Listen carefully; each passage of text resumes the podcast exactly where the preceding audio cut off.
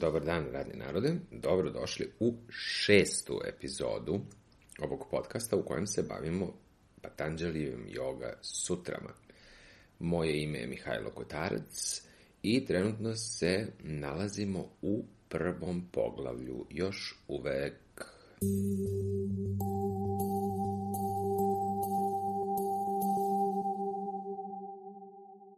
Dakle, ajde prvo da um, objasnim ono što sam prošli put pogrešno rekao.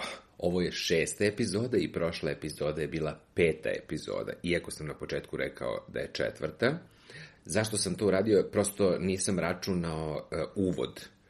Jednostavno pogrešio sam. Mislim, šta, bez veze da vam se pravda, pravdam i da um, pričam, ne znam ti ni ja šta. U svakom slučaju, ako ste se tekst sada uključili, Moj savjet vam je prekinite da slušate ovaj podcast, odnosno ovu epizodu i vratite se na početak. Odslušajte um, uvod.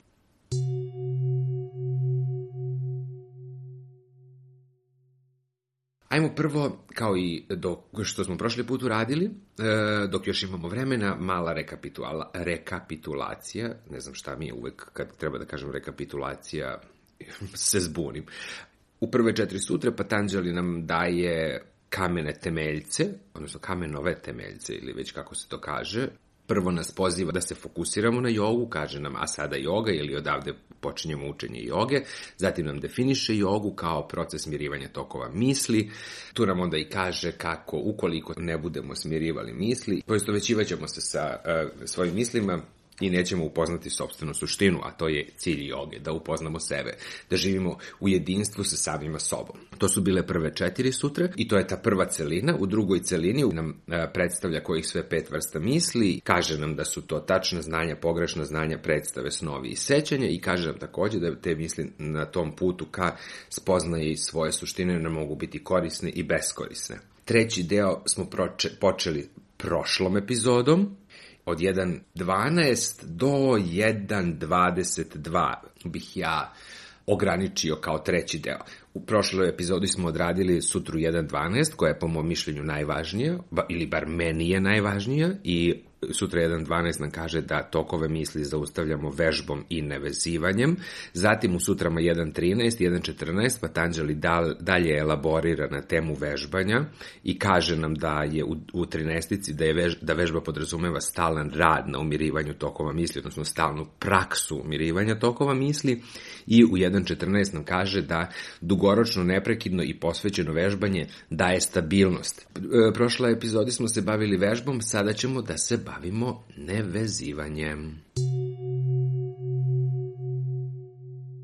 Dakle, čitamo sutru 1.15 i sutru 1.16. Sutra 1.15 kaže nevezivanje je nadvladavanje želje za čulnim objektima.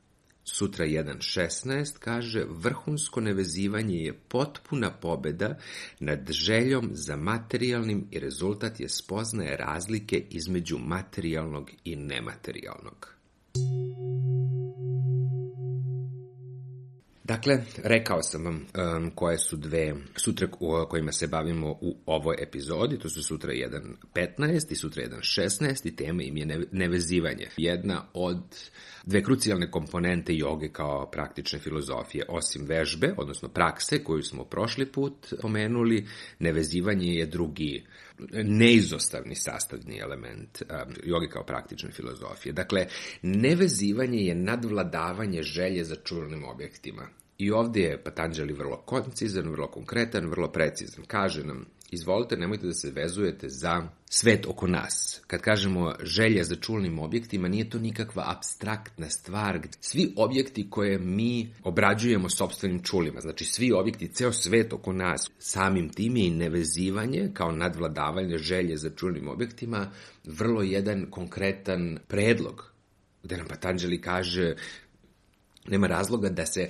vezujemo za te stvari. Prosto trebalo bi da budemo u stanju da svoje želje kontrolišemo. Druga sutra koja se bavi nevezivanjem, sutra 1.16, ova sutra se čak bavi ajde da kažemo, sledećim nivom nevezivanja koji se naziva vrhunskim nevezivanjem i Patanđeli je definišao kao potpunu pobedu nad željom za materijalnim. I kao takvu, ona je zapravo rezultat spoznaje razlike između materijalnog i nematerijalnog. U sledećoj epizodi rekli, obećao sam da, sam da ćemo praviti ekskurse bavit ćemo se dakle u sledećoj epizodi e, materijalnim i nematerijalnim svetom, odnosno kako se u to vreme poima svet, odnosno kako se deli svet na materijalni i nematerijalni. Jedna od ključnih distinkcija u jogi kao praktičnoj filozofiji između prakrti i puruše. O tome više u sledećoj epizodi. Jedno kratko premutavanje unazad i da se podsjetimo o čemu je ovde reč. Dakle, ove dve, ove, u ovoj epizodi bavili smo se nevezivanjem, jedna od dve osnovne komponente koje čine jogu kao praktičnu filozofiju. Drugim rečima, ako je u prošlom, ako sam vam u prošloj epizodi rekao meditirajte, i to um, povezao sa vežbom, jer vežba, jer joga jeste meditativna disciplina. Druga stvar koju bih vam možda u ovoj epizodi dao za poneti je nemojte se vezivati čvrstim lancima i konopima za vaše, konopcima za vaše želje, jer je to siguran put, pa reću da kažem u propast, ali siguran put u patnju relativizujte vaše želje. Nekoliko epizoda ranije smo pričali o tome da treba da mislimo. Hajde da mislimo, hajde da se analitički suočimo sa svojim željama i da vidimo koliko su one zaista važne za ispuniti, a koliko su one sa druge strane samo neka naša neka naša pasija, nešto što smo mi, što bi mi po svaku cenu želeli, a sve ima svoju cenu. Dakle, hajde da ono malo se drugačije odnosimo prema svojim željama i da ne izgaramo na putu do njihovog ispunjenja, jer vrlo često se desi da onog trenutka kada ispunimo svoj sebi neku želju da shvatimo da, i, da je to izgaranje bilo uzalud. Ne, to naravno ne znači da vi sad treba da dignete ruke od života i da nemate ciljeve i planove i da ne treba da se trudite da te ciljeve i planove postignete. Ne, to samo znači da ne treba da dozvolite da vam ti ciljevi i planovi diktiraju ostatak života.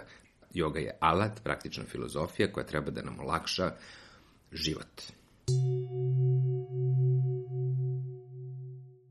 Hvala na pažnji i doviđenja. Vidimo se, odnosno čujemo se, pardon, u sledećoj epizodi gde ostajemo u ovoj um, trećoj celini prvog poglavlja i pričat ćemo o nekim novim interesantnim stvarima. Uzdravlje svima. Ćao.